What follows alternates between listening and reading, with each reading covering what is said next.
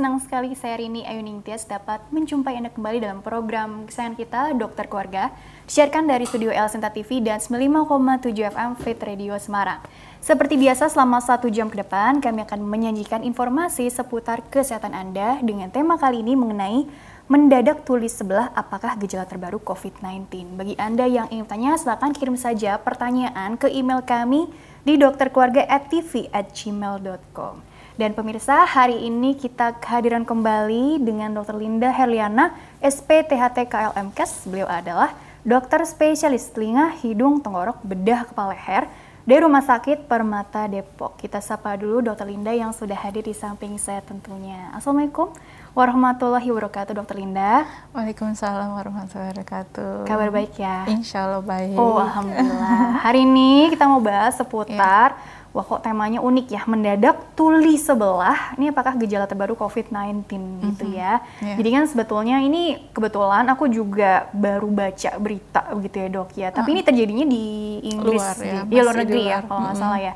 Seorang pria dinyatakan katanya mengalami yang namanya tuli, tuli tapi mendadak. tapi mm-hmm. permanen deh kalau nggak salah. Ini mm-hmm. ternyata karena penyebabnya adalah COVID-19 gitu kan mm -hmm. virus di corona ini gitu. Nah ini kan jadi kok unik ya, kok aneh ya gitu ya dok yeah. ya. Iya. Kan logikanya biasanya batuk aja atau demam mm -hmm. aja gitu ya dok. Ya. Ini kok, kok makin bisa lama makin gejalanya munculnya makin beragam mm -hmm. gitu ya. Kaitannya mm -hmm. sendiri seperti apa kalau kita bicara nanti anatomisnya juga begitu ya dok ya. Tapi mm -hmm. ini kasus ini sendiri kalau di luar negeri dan di Indonesia sendiri bagaimana sih dokter?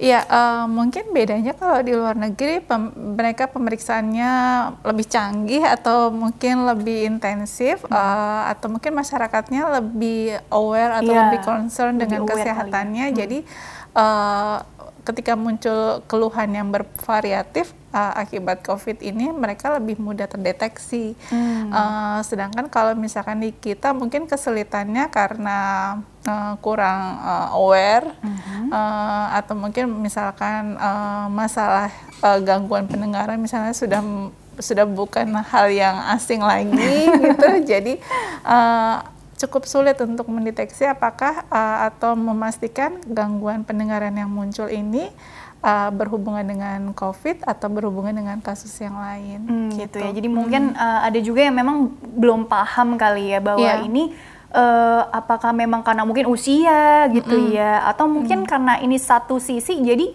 Bagaimana dok? Karena satu sisinya lagi telinganya ini normal gitu ya dok ya? Iya. Hmm. Uh, jadi memang uh, kalau um, tentang gangguan pendengaran ini memang dia uh, cukup beragam penyebabnya gitu, hmm. mulai dari faktor usia atau mungkin infeksi hmm. atau uh, trauma dan sebagainya. Dan apalagi kalau uh, munculnya hanya satu sisi, hmm. uh, memang uh, sebagian besar kita tidak uh, tidak aware karena telinga yang masih normal itu masih mengcover uh, penurunan dari gangguan pendengaran itu. Jadi seolah-olah pendengarannya masih normal. Ya masih bisa mendengar. Masih bisa ya. mendengar. Okay. Ya, biasanya seseorang itu baru aware ketika misalkan menggunakan handphone atau hmm. menggunakan alat komunikasi satu sisi hmm. berbeda dengan sisi yang lainnya. Kalau anak gitu. muda ya biasanya hmm. tuh yang penggunaan hmm. Earphone atau hmm. apa. Hmm. Kok kalau misalnya menggunakan earphone misalnya kok yang ini lebih besar suaranya, hmm. yang ini volumenya kok nggak ada ya gitu. Biasanya okay, mereka okay. baru aware di oh, situ. Berarti dok begini dok, kalau satu sisi kan biasanya sih seperti stroke gitu ya, serangan uh -uh. stroke kan ada penyempitan atau penyumbatan lah apa gitu di, di otak ya, serangannya ke otak. Nah kalau untuk telinga sendiri prinsipnya virusnya ini mungkin lebih ke mana sih larinya kok sehingga kok bisa penyebabnya jadi tuli-tuli mendadak mm gitu, mm sebelah pula mm lagi kan, jadi unik nih. Iya, mm jadi uh, uh, ada beberapa masyarakat awam yang memang uh, mengatakan keluhan ini sebagai stroke telinga mm. karena munculnya tiba-tiba uh, gitu, mm. misalkan. Jadi uh, kalau untuk uh, apa namanya gangguan pendengaran ini memang dia berhubungan sebagian besar dengan uh, gensetnya telinga yaitu telinga dalam. Genset. Gensetnya. Jadi powernya telinga itu uh, di uh, telinga bagian dalam hmm. yaitu yang kita punya seperti rumah siput itu. Hmm. Ya, jadi uh, gangguannya di situ karena struktur uh, kompleks ada di situ yang pembuluh darah, hmm. yang cairan elektro, uh, elektrolit dan sebagainya ada di situ. Jadi rumah hmm. siputnya ini yang hmm. istilahnya ini apa sih? Apa kalau di otak nih sistem saraf pusat uh, uh, gitu ya. Sistem sarafnya telinga itu. Hmm. Uh, dan sayangnya bagian saraf terkecil di tubuh kita uh -uh. itu berada di telinga. Oh gitu, gitu ya. telinga dalam. Jadi memang mudah sekali terjadi gangguan di situ. Dan ini uh, memang karena apa dok? Artinya kan kalau stroke telinga faktor resikonya pasti ada dong. Artinya mm -mm. kalau ini kan kasusnya karena oh karena virus COVID. Artinya karena virus corona atau COVID-19-nya. Nah, kalau untuk faktor resiko yang lain yang barangkali di populer juga nih berkaitan uh -uh. dengan si apa stroke telinga ini sendiri seperti apa dok? Ya jadi uh, kalau uh, stroke telinga ini kan hubungannya berarti ada sesuatu yang mengganggu sarafnya atau hmm. kerja dari si rumah siputnya berarti ada faktor yang mengganggu uh, pembuluh darah atau ada yang blocking dan sebagainya. Itu faktor resiko terbanyak memang uh, sumbatan. Hmm. Nah, sumbatan ini bisa muncul misalkan seseorang itu punya basic uh, diabetes atau hipertensi misalkan atau mungkin sebelumnya memang uh, memiliki riwayat serangan stroke gitu misalnya hmm. atau uh, masalah profil lipid yang kolesterol, asam urat dan sebagainya. Jadi lebih berat atau, resikonya mm -mm, ya. Atau mungkin obesitas jadi hmm. aktivitasnya memang kurang.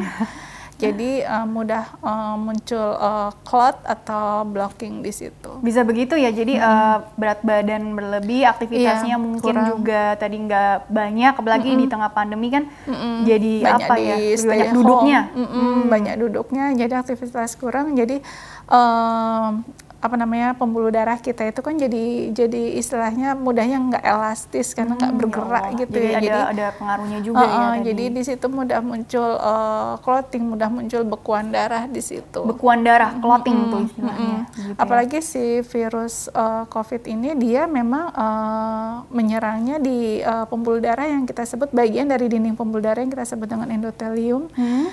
Dan di situ yang membuat uh, masalah dengan pembekuan darah itu. Hmm jadi hmm. kenapa virus uh, eh, COVID-19 ini memang uh, apa ya memunculkan bekuan darah itu seperti titik-titik di beberapa tempat gitu. hmm. gitu. Jadi kenapa kalau misalkan bekuan darahnya menyerang di otak hmm. mungkin jadi serangan stroke jantung misalkan jadi serangan jantung, paru misalkan menjadi emboli dan sebagainya. Tapi umumnya berarti ini case-nya di usia-usia yang tua atau memang muda bisa yang penting uh, tadi faktor risikonya tadi berarti? Uh, iya, hmm. uh, faktor risikonya tadi. Tapi ada beberapa literatur walaupun nggak banyak uh, usia muda pun bisa uh, itu karena tergantung lifestyle juga. Hmm. Jadi uh, usia muda tidak uh, menjamin dia bebas dari uh, pasti ancaman atau serangan ini. Gitu. Tapi ini bahayanya bagaimana dok? Artinya apakah bisa jadi permanen gitu ya, mm -hmm. seperti yang aku baca di artikel itu, tapi nggak tahu dia belum eksplor lebih dalam lagi sih, mm -hmm. atau seiring dengan coronanya ini hilang dalam uh -uh. tubuh virusnya,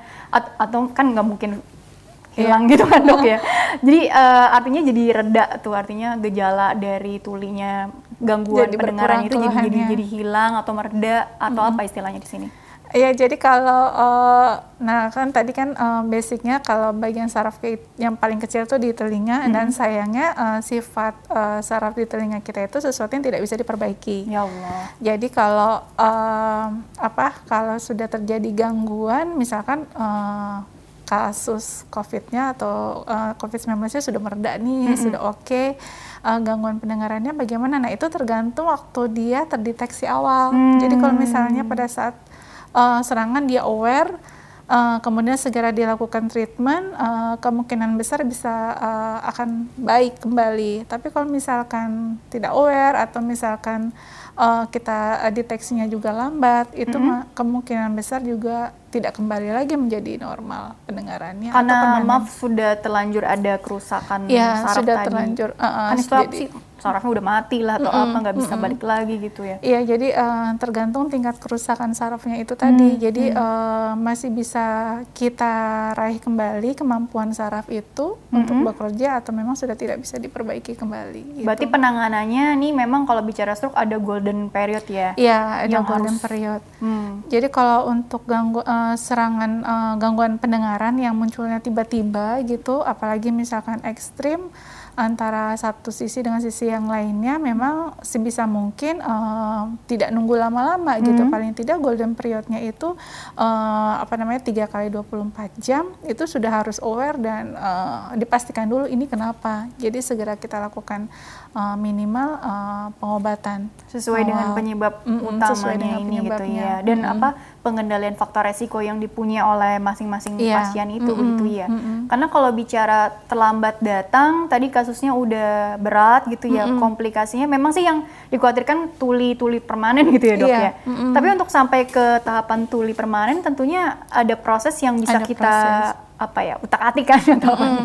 intervensi jadi, gitu. Uh, uh, hmm. Jadi kalau misalkan uh, nanti kan pada saat misalkan uh, seseorang tersebut aware gitu ya hmm. uh, kurang dari satu minggu misalkan hmm. dia aware segera datang kemudian kita lakukan pengukuran uh, skala pendengarannya masih masih misalnya tarafnya taraf uh, kategori sedang gitu hmm. ya atau berat uh, kita langsung lakukan treatment uh, langsung tuh uh, fokus di pendengarannya misalkan uh, kemudian dengan fisioterapi uh, atau uh, treatment yang lainnya. Nanti kita lihat di situ evaluasi. Uh, jadi kalau misalkan oh ini tidak tidak kembali baik kita tingkatkan lagi. Jadi memang pentingnya di situ sih. Tapi kenapa satu sisi ya dok ya? Atau ada juga kasus dua-duanya gitu ujung-ujungnya yang misalnya yang kanan yang bermasalah yang kiri enggak tadinya tapi lama-lama hmm. karena dia ngambil fungsi cuma seorang diri aja ibaratnya mm-hmm. jadi lelah atau apa gitu bisa juga nggak uh, jadi resiko iya. juga uh, memang uh,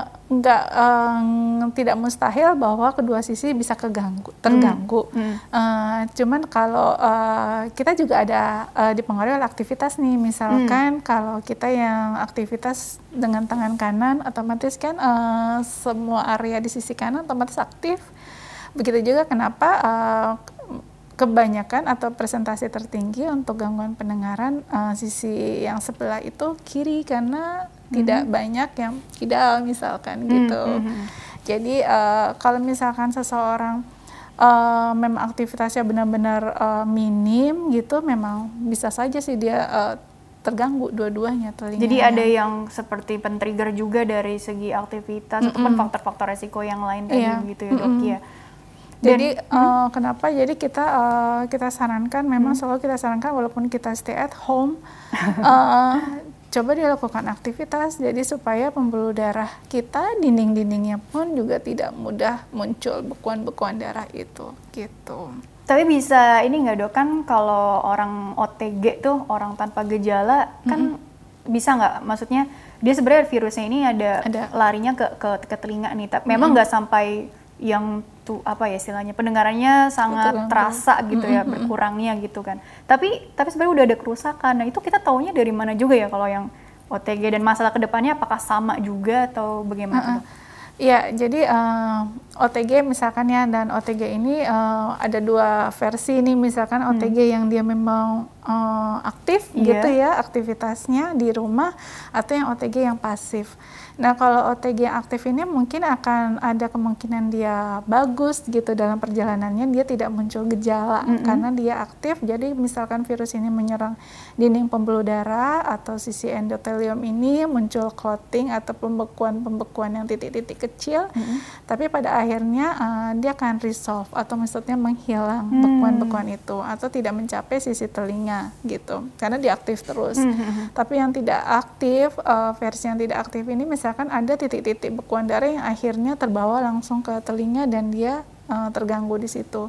Nah, untuk berat ringannya uh, keluhan tergantung area mana yang disumbat lokasi sama uh, tergantung hmm. lokasinya. Apakah lokasinya misalkan sudah di ujung sekali yang sudah gak sulit kita utak-atik atau hmm. misalkan masih uh, masih di salurannya di kanalnya masih hmm. bisa kita manuver gitu hmm. misalkan.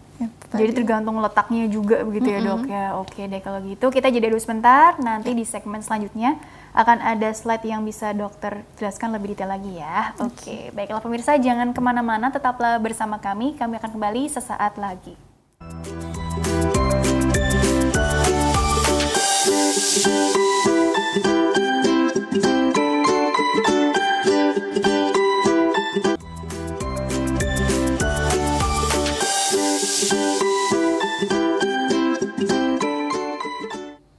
Ya pemirsa terima kasih Anda masih bersama kami di program Dokter Keluarga masih membahas mengenai mendadak tulis sebelah apakah gejala terbaru COVID-19 bersama dengan Dr. Linda Heliana SP THTK LMKes. Beliau adalah dokter spesialis telinga, hidung, tenggorok, bedah kepala leher dari Rumah Sakit Permata Depok. Bagi Anda yang bertanya, silakan kirim saja pertanyaan ke email kami di dokterkeluarga@tv@gmail.com Acara ini juga bisa dinikmati di Spotify Dokter Keluarga. Dan Dokter Linda dilanjutkan kembali ya untuk memudahkan kita semua nih khususnya mungkin buat yang baru dengar kasusnya uh -uh. ternyata bisa juga ya gejalanya ke gangguan pendengaran bahkan mm -hmm. tuli gitu ya dok ya jadi sebenarnya kalau bicara tentang bagaimana sih kita memahami ini lebih detail nih ada slide yang bisa satu persatu ya mm -hmm. ditampilkan dulu mendadak tulis uh -uh. sebelah mendadak ya ada kata-kata akut nih iya, mendadak yeah, uh -uh. Hmm. Jadi kalau misalkan um, untuk apalagi di era pandemi ini semua keluhan yang muncul di tubuh kita kita harus mulai aware gitu hmm. jangan uh, menganggap sepele karena keluhan yang muncul hari per hari itu makin beragam jadi untuk kali ini untuk gangguan pendengaran um, jadi kita harus paham ini gangguan pendengarannya itu uh, kenapa dan uh, berapa lama gitu hmm, ada berapa lama ya ada backgroundnya nggak nih hmm. sebelum gangguan pendengaran gitu hmm. cuman basicnya saya ingin uh, eh, memberitahu bahwa anatomi dulu nih biar paham jadi hmm. kalau untuk gangguan pendengaran memang penyebabnya banyak hmm. sekali jadi um, bagian mana atau uh, bagian mana yang kita harus mulai concern atau kita harus mulai khawatir iya. gitu. Tapi COVID-19 berarti gejalanya makin ke sini makin, makin beragam banyak, gitu makin ya. Beragam. Makin kasusnya juga macam-macam di luar negeri seperti apa, mm -hmm. di sini juga mungkin beda-beda lagi segala macam. Mm -hmm. Tapi intinya yeah. supaya kita jadi makin aware kalau banyak kemungkinan gejala banyak kemungkinan yang, yang muncul, muncul yeah. gitu ya dok mm -hmm. ya. Oke. Okay. Dan mendadak tadi kata kuncinya mm -hmm. ya. Coba mm -hmm. uh, slide yang... selanjutnya lagi mengenali Uh, oh. Jadi uh, kalau misalkan untuk gangguan pendengaran ini hmm. uh, kan kalau kita lihat dari struktur telinga kita ada ada tiga tempat ya hmm. gitu. Jadi luar, tengah dan dalam. Jadi kalau misalnya kita harus lihat ini gangguan pendengarannya ini apa cuman kotor aja misalkan di luar ada yang mampet. Hmm. Kalau misalkan ada yang kotor, dibersihkan selesai. Tapi kalau misalkan uh, bagian tengah, misalkan sisi tengah telinga itu uh, kalau kita infeksi, oh ya memang sebelumnya saya batuk nih, pilek nih, hmm, atau ada alergi. Ada riwayat sebelumnya. Uh, atau memang sinus nih udah lama nih kambuh-kambuhan hmm. nih, hmm. jadi telinganya kadang eh, nggak uh, dengar, kadang dengar hmm. gitu. Itu uh, oke, okay. oh ya itu berarti uh, basicnya hanya pengobatan standar saja. Hmm. Uh, kalau misalkan ternyata uh, lain lagi cerita, iya saya nggak batuk kok, nggak pilek gitu, terus telinga saya juga bersih Um, terus uh, tapi saya nggak dengar nih, nah, dilihat lagi backgroundnya. Hmm. Uh, misalkan profesinya, oh iya saya profesinya misalkan memang menggunakan uh, earphone hmm. atau saya berada di lingkungan yang memang uh, trauma bising nih hmm. gitu. Uh, banyak volume suara keras di sekitar saya, hmm. itu oh itu uh, permasalahannya lain lagi. Mungkin memang uh, trauma atau uh, persarafannya terganggu karena bisingnya tadi. Hmm. Tapi kalau misalnya uh, seseorang uh, uh, melihat oh ya saya nggak ada nggak ada infeksi saya hmm. nggak mm. nggak ada kotoran telinga mm-hmm. saya tidak uh, berada di lingkungan yang kira-kira uh, berpotensi trauma bising mm. tapi kenapa gangguan pendengar saya tidak ada misalkan penyakit herediter mm-hmm. diabetes jantung dan sebagainya tapi kenapa pendengaran saya kok terganggu ya mm-hmm. gitu di situ mulai aware di situ. Wah pinter ya orangnya udah mentrek. oh, oh jadi harus harus, harus aware nih. Uh. Jadi maksudnya memang uh, di era seperti ini kita harus harus apa ya menggali hmm. atau kita harus belajar uh, untuk menjaga tubuh kita sendiri, tidak mengandalkan orang lain Betul. gitu. Karena yang tahu tubuh kita ya diri kita sendiri. Benar, gitu. benar, benar. Jadi mm -hmm. tadi riwayat-riwayat sebelumnya ada penyakit yeah. yang mendasarinya apa atau enggak. Mm -hmm. Terus juga tadi secara anatomis ini infeksinya yang masih maaf di luar apa di tengah apa di dalam gitu mm -hmm. ya dok ya. Itu akan sangat menentukan treatmentnya juga dan yeah. gejala yang muncul juga ya dok mm -hmm. ya. Treatmentnya mm. memang berbeda antara uh, misalkan antara sisi luar dari telinga atau sisi tengah telinga atau sisi dalam ini treatmentnya hmm. berbeda dan uh, apa namanya kemampuan untuk membaiknya pun juga berbeda mm-hmm. gitu. Jadi kalau kita bicara gangguan pendengaran yang tiba-tiba mendadak muncul ini mm-hmm. yang dikaitkan dengan uh, infeksi virus yang terjadi saat ini uh, itu karena sifatnya dia uh, bukan urgent ya, tapi uh, sebaiknya segera uh, diatasi um, itu nah di situ kita harus mulai um, mungkin segera datang ke rumah sakit untuk memastikan kalau memang tidak ada background supaya bisa dilakukan audiometri atau diberikan pengobatan misalkan salah satunya steroid hmm. gitu karena pengobatan ini memang sebagian besar menggunakan kortikosteroid. Jadi audiometri tadi ya dok Iya, ya? audiometri. Uh, untuk melihat level gangguan pendengarannya seberapa ya menurun gitu apakah masih bisa diperbaiki atau tidak okay. gitu. Bang tadi evaluasi diri tadi faktor resiko kerjaan mm -hmm. juga bagaimana, yeah. uh, habit sehari-hari juga bagaimana mm -hmm. gitu ya dok. Macam-macam yang bisa kita tanya ke diri kita sendiri untuk bantu memudahkan dokter juga ya dok ya nanti mm -hmm. untuk evaluasinya kan pasti wawancara udah yeah. kenal sama diri kita sendiri gitu ya. Mm -hmm. Oke, coba slide selanjutnya lagi barangkali tentang anatomi ini oh ya struktur yeah, telinga uh, yang tadi dok. Hmm. Jadi untuk anatomi ini, um, jadi dokter uh, misalkan um, biasanya akan memastikan gitu dengan otoskopi atau dengan endoskopi kita hmm. lihat nih struktur luarnya oke okay, tidak hmm. gitu. Kalau misalnya oh uh, telinga sisi luar aman, hmm. tidak ada kotoran, tidak ada infeksi. Hmm. Kemudian nah sisi tengah biasanya kita gali dari riwayat sebelumnya hmm. yang dialami misalkan tadi yang infeksi atau sinus sinusitis hmm. atau alergi hmm. gitu ya itu kita gali kalau misalkan tidak ada juga nah baru mulai kita berpikir fokus di telinga dalamnya atau rumah siput ini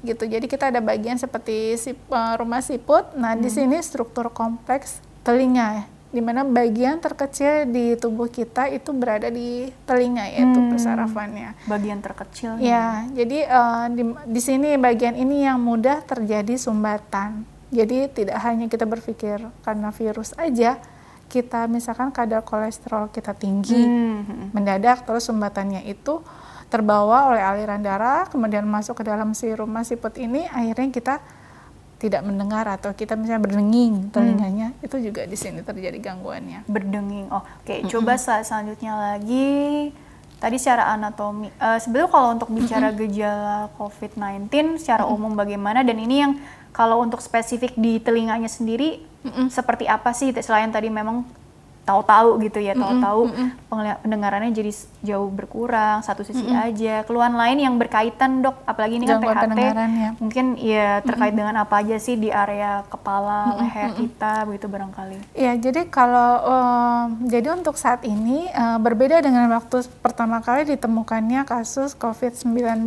jadi tidak hanya uh, uh, COVID-19 hanya berhubungan dengan infeksi saluran nafas saja, mm -hmm. batuk, demam, sesak. Tidak hanya itu. Jadi kenapa makin hari kita menemukan yang gangguan tidak bisa mencium atau membau, tidak bisa merasakan uh, sesuatu gitu. Sekarang muncul lagi tidak uh, menurunnya atau uh, gangguan pendengaran gitu. Jadi untuk gangguan pendengaran itu sendiri um, karena dia misalkan gangguan pendengarannya itu biasanya jauh berbeda dengan telinga yang satu sisinya hmm. akan muncul keluar misalkan keseimbangannya jadi terganggu hmm. karena yang satu sisi oke okay, yang satu sisi keganggu jadi dia keseimbangannya seperti misalkan limbung kok jangan saya jadi limbung ya gitu hmm. Hmm. atau misalkan yang um, seseorang itu sensitif sekali dia vertigo jadi uh, karena satu sisi karena keseimbangan kita kan berada di dalam telinga. Jadi keseimbangannya gitu. ini yang diserang gitu ya istilahnya. Mm -hmm. ya, jadi ya? keseimbangan ikut terganggu yang ekstrim sekali. Mm -hmm. Tapi ada juga yang uh, keseimbangannya tidak terganggu sama sekali, hanya murni gangguan pendengaran saja. Memang ada baiknya kita screening dengan audiometri itu mm. tadi untuk memastikannya. Dengan mm. pemeriksaan ke dokter tentunya mm -hmm. dok ya. Iya. Oke okay, yeah. dokter. Mm -hmm ini slide-nya oh sudah, sudah. habis ya. Mungkin kalau nanti seputar pencegahan itu nanti aja kali ya. Ini aku mau dokter beri tanggapan dulu untuk penanya email ya dok ya. Jadi bagi pemirsa yang ingin bertanya via email, kirim saja pertanyaan ke email kami dokterkeluarga@tv@gmail.com. Format lengkapnya dua ini, nama, usia anda atau usia orang yang ditanyakan serta asal kotanya. Baik, pertanyaan pertama ini dari Fajeuji, usianya 34 tahun dari Serang, Banten. Nah, Dokter, mau tanya, kenapa ya infeksi telinga saya sampai sekarang susah diobati? Sudah beberapa kali ke dokter THT dan dikasih obat tetes telinga dan minum antibiotik juga yang lainnya seperti anti radang, histamin, dibilang mm -hmm. seperti itu. Cuma penyakit infeksi ini sukar dis sukar disembuhkan apa karena gendang telinga sudah terlanjur bolong, katanya mm. begitu. Saya sudah lama mengidap otitis media ini semenjak kecil. Lalu apa solusinya ya dok? Biar infeksinya bisa sembuh dan tidak memburuk sama pandemi. Apa ya faktor penyebabnya? Apakah bakteri atau jamur? Nah, sebenarnya kalau untuk otitis media, kalau kita kaitkan ke tema, jadi faktor resiko nggak sih dok? Misalnya punya riwayat penyakit yang spesifik infeksi mm -hmm. di area telinga kita dulu sekali atau mm -hmm. mungkin masih jadi faktor apa ya yang mempengaruhi daya tahan si telinga nih gitu ya mm -hmm. sehingga jadi lebih beresiko atau bagaimana sih? Uh, uh, faktor resiko itu uh, ya memang ada ya. Kalau misalkan sebelumnya uh, mohon maaf pernah ada riwayat congean kalau hmm. orang bahasa awam gitu hmm. ya uh, telinga berair gitu atau misalkan telinga uh, gatel atau jamur hmm. gitu ya karena atau karena batuk pilek.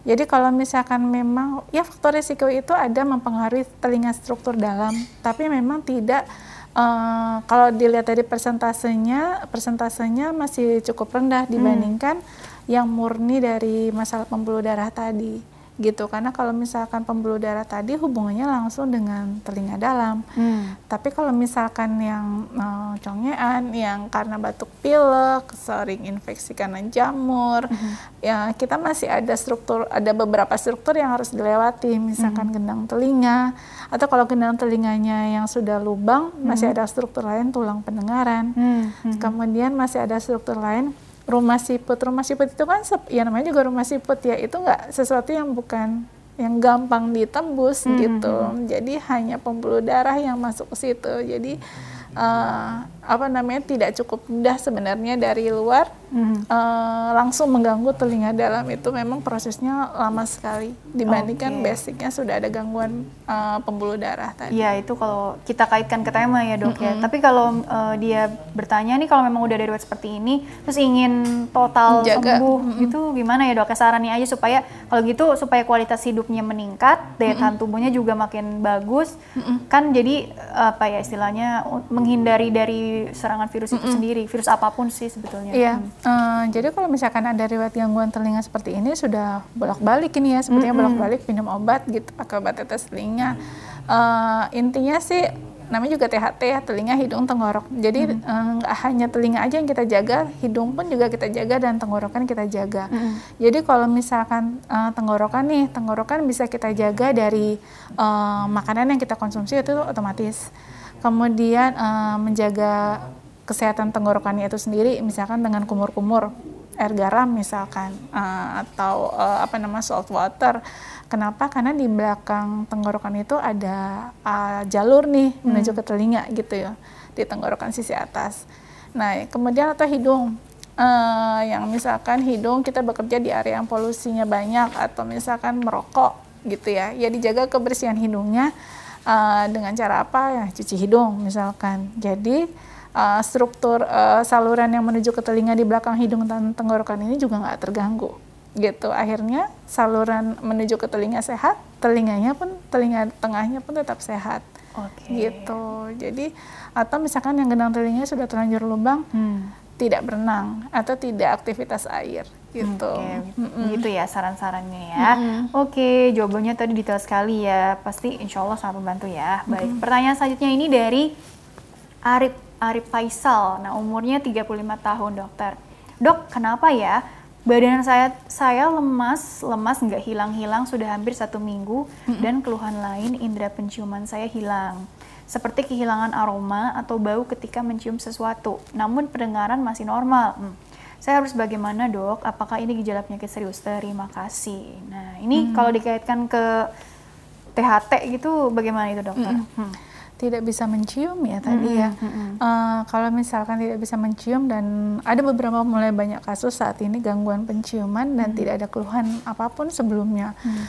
Jadi kalau misalkan gangguan penciuman dia tidak ada keluhan alergi yang bersin-bersin atau sering pilek hmm. atau sinusitis Uh, kemudian um, kita lihat dulu pertama kita treatment dulu kesehatan hidungnya yang kita hmm. ajarkan untuk cuci hidung, kita bersi, uh, berikan obat semprot hidung hmm. atau tapi kita uh, sarankan seseorang tersebut uh, untuk di screening hmm. awalnya. Hmm.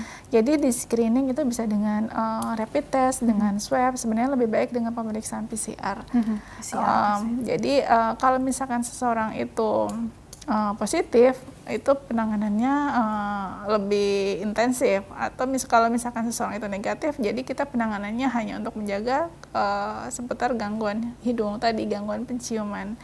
Kalau untuk yang positif, biasanya kita langsung pemeriksaan radiologis, misalkan uh, apakah kita perlu CT scan, misalkan ada gangguan lain tidak di area yang lain gitu. Oke, tapi hmm. memang ada baiknya tadi dilakukan pemeriksaan dulu ya untuk mm -mm. menyingkirkan kemungkinan yang ada begitu mm -mm. ya. Oke, kurang lebih seperti itu. Dokter, kalau misalnya kita lanjutkan kembali ke tema kita ya, yeah. baiklah. Tadi mengenai pemeriksaan, dipastikan dulu nih gitu kan dengan tadi dites uh, sebenarnya dengan audiometer tadi yeah, ya, audiometri. Ya. Uh. Terus kemudian audiometri gitu ya. Mm-hmm. Terus kemudian setelah itu kan oh ketahuan nih kan ternyata memang mungkin ada pemeriksaan lain juga kan yang nanti bisa dokter jelaskan atau sampaikan. Tapi pada prinsipnya nanti treatmentnya sendiri seperti apa tahapannya tergantung dari gejala ringan sedangnya ya dok ya. Mm-hmm. Kemudian harapannya kalau untuk mendekati kesembuhan yang 100% gitu ya sebisa mungkin tuh memang lebih cepat lebih baiknya ini dalam kurun waktu satu kali berapa jam barangkali dok. Mm, hmm. Iya.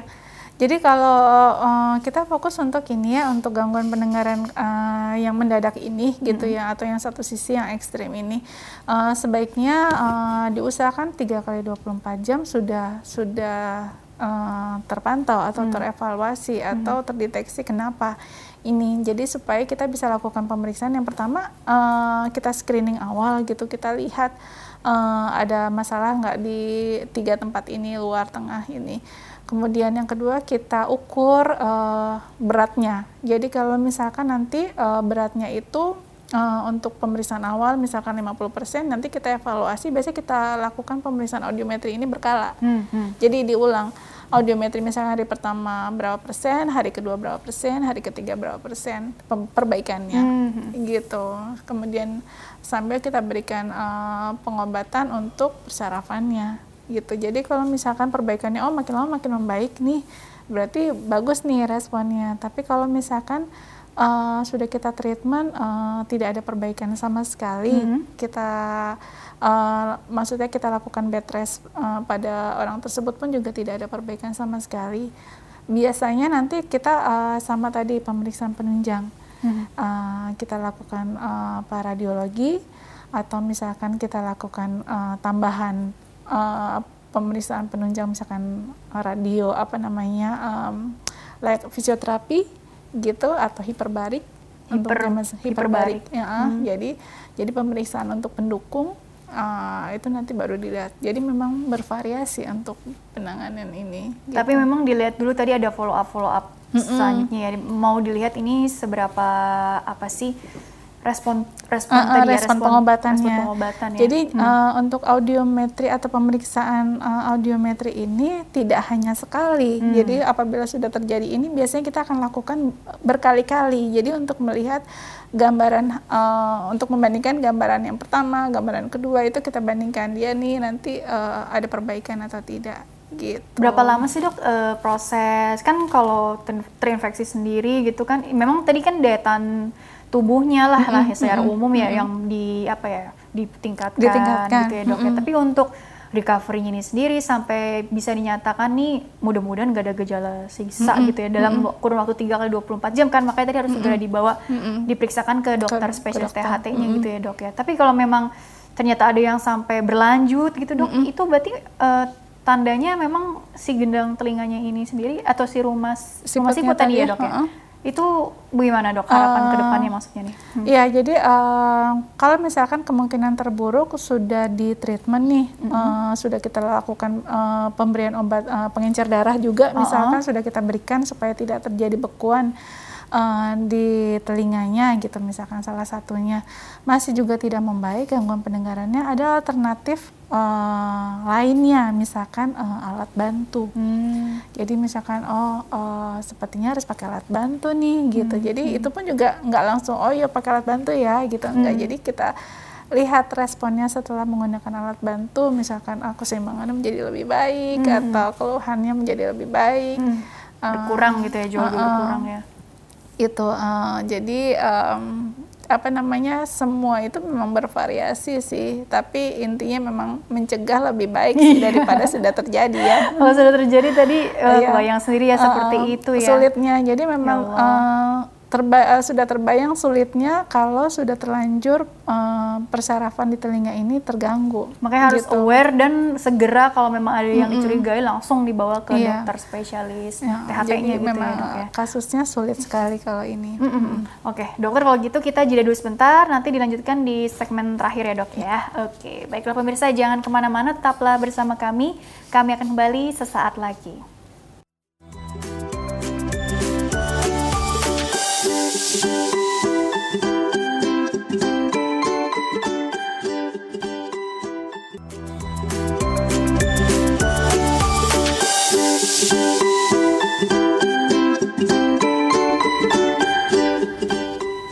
Ya pemirsa terima kasih Anda masih bersama kami program Dokter Keluarga masih membahas mengenai mendadak tulis sebelah apakah gejala terbaru COVID-19 bersama dengan Dr. Linda Heliana SP THTK LMKes dokter spesialis telinga hidung tenggorok bedah kepala leher dari Rumah Sakit Permata Depok. Dr. Linda dilanjutkan kembali ya. Jadi sebelum ke closing statement untuk bicara apa kalau udah terlanjur, terlanjur ya terlanjur yang tadi sampai kasusnya berat sekali kan ya kebayang ya seperti uh -uh. apa waktu, uh -uh. tenaga, biaya, semuanya artinya jadi beban diri sendiri, uh -uh. beban keluarga uh -uh. juga, beban negara juga gitu ya. Uh -uh. Jadi sebenarnya kalau bicara tentang pencegahan, ya itu udah pasti gitu ya. Uh -uh. Untuk menghindari si COVID-19 ini sendiri udah pasti. Uh -uh. Tapi untuk kebiasaan-kebiasaan apa yang tanpa kita sadari itu bisa jadi resiko juga dok memperberat uh -uh. atau uh -uh. mungkin menghambat kesembuhan barangkali uh -uh. buat pasien uh -uh. atau mungkin apa sih sebenarnya tips untuk apa yang boleh dilakukan atau yang tidak boleh dilakukan yang harus diikuti oleh pasien supaya kualitas hidupnya jauh lebih membaik dok. Hmm. Hmm.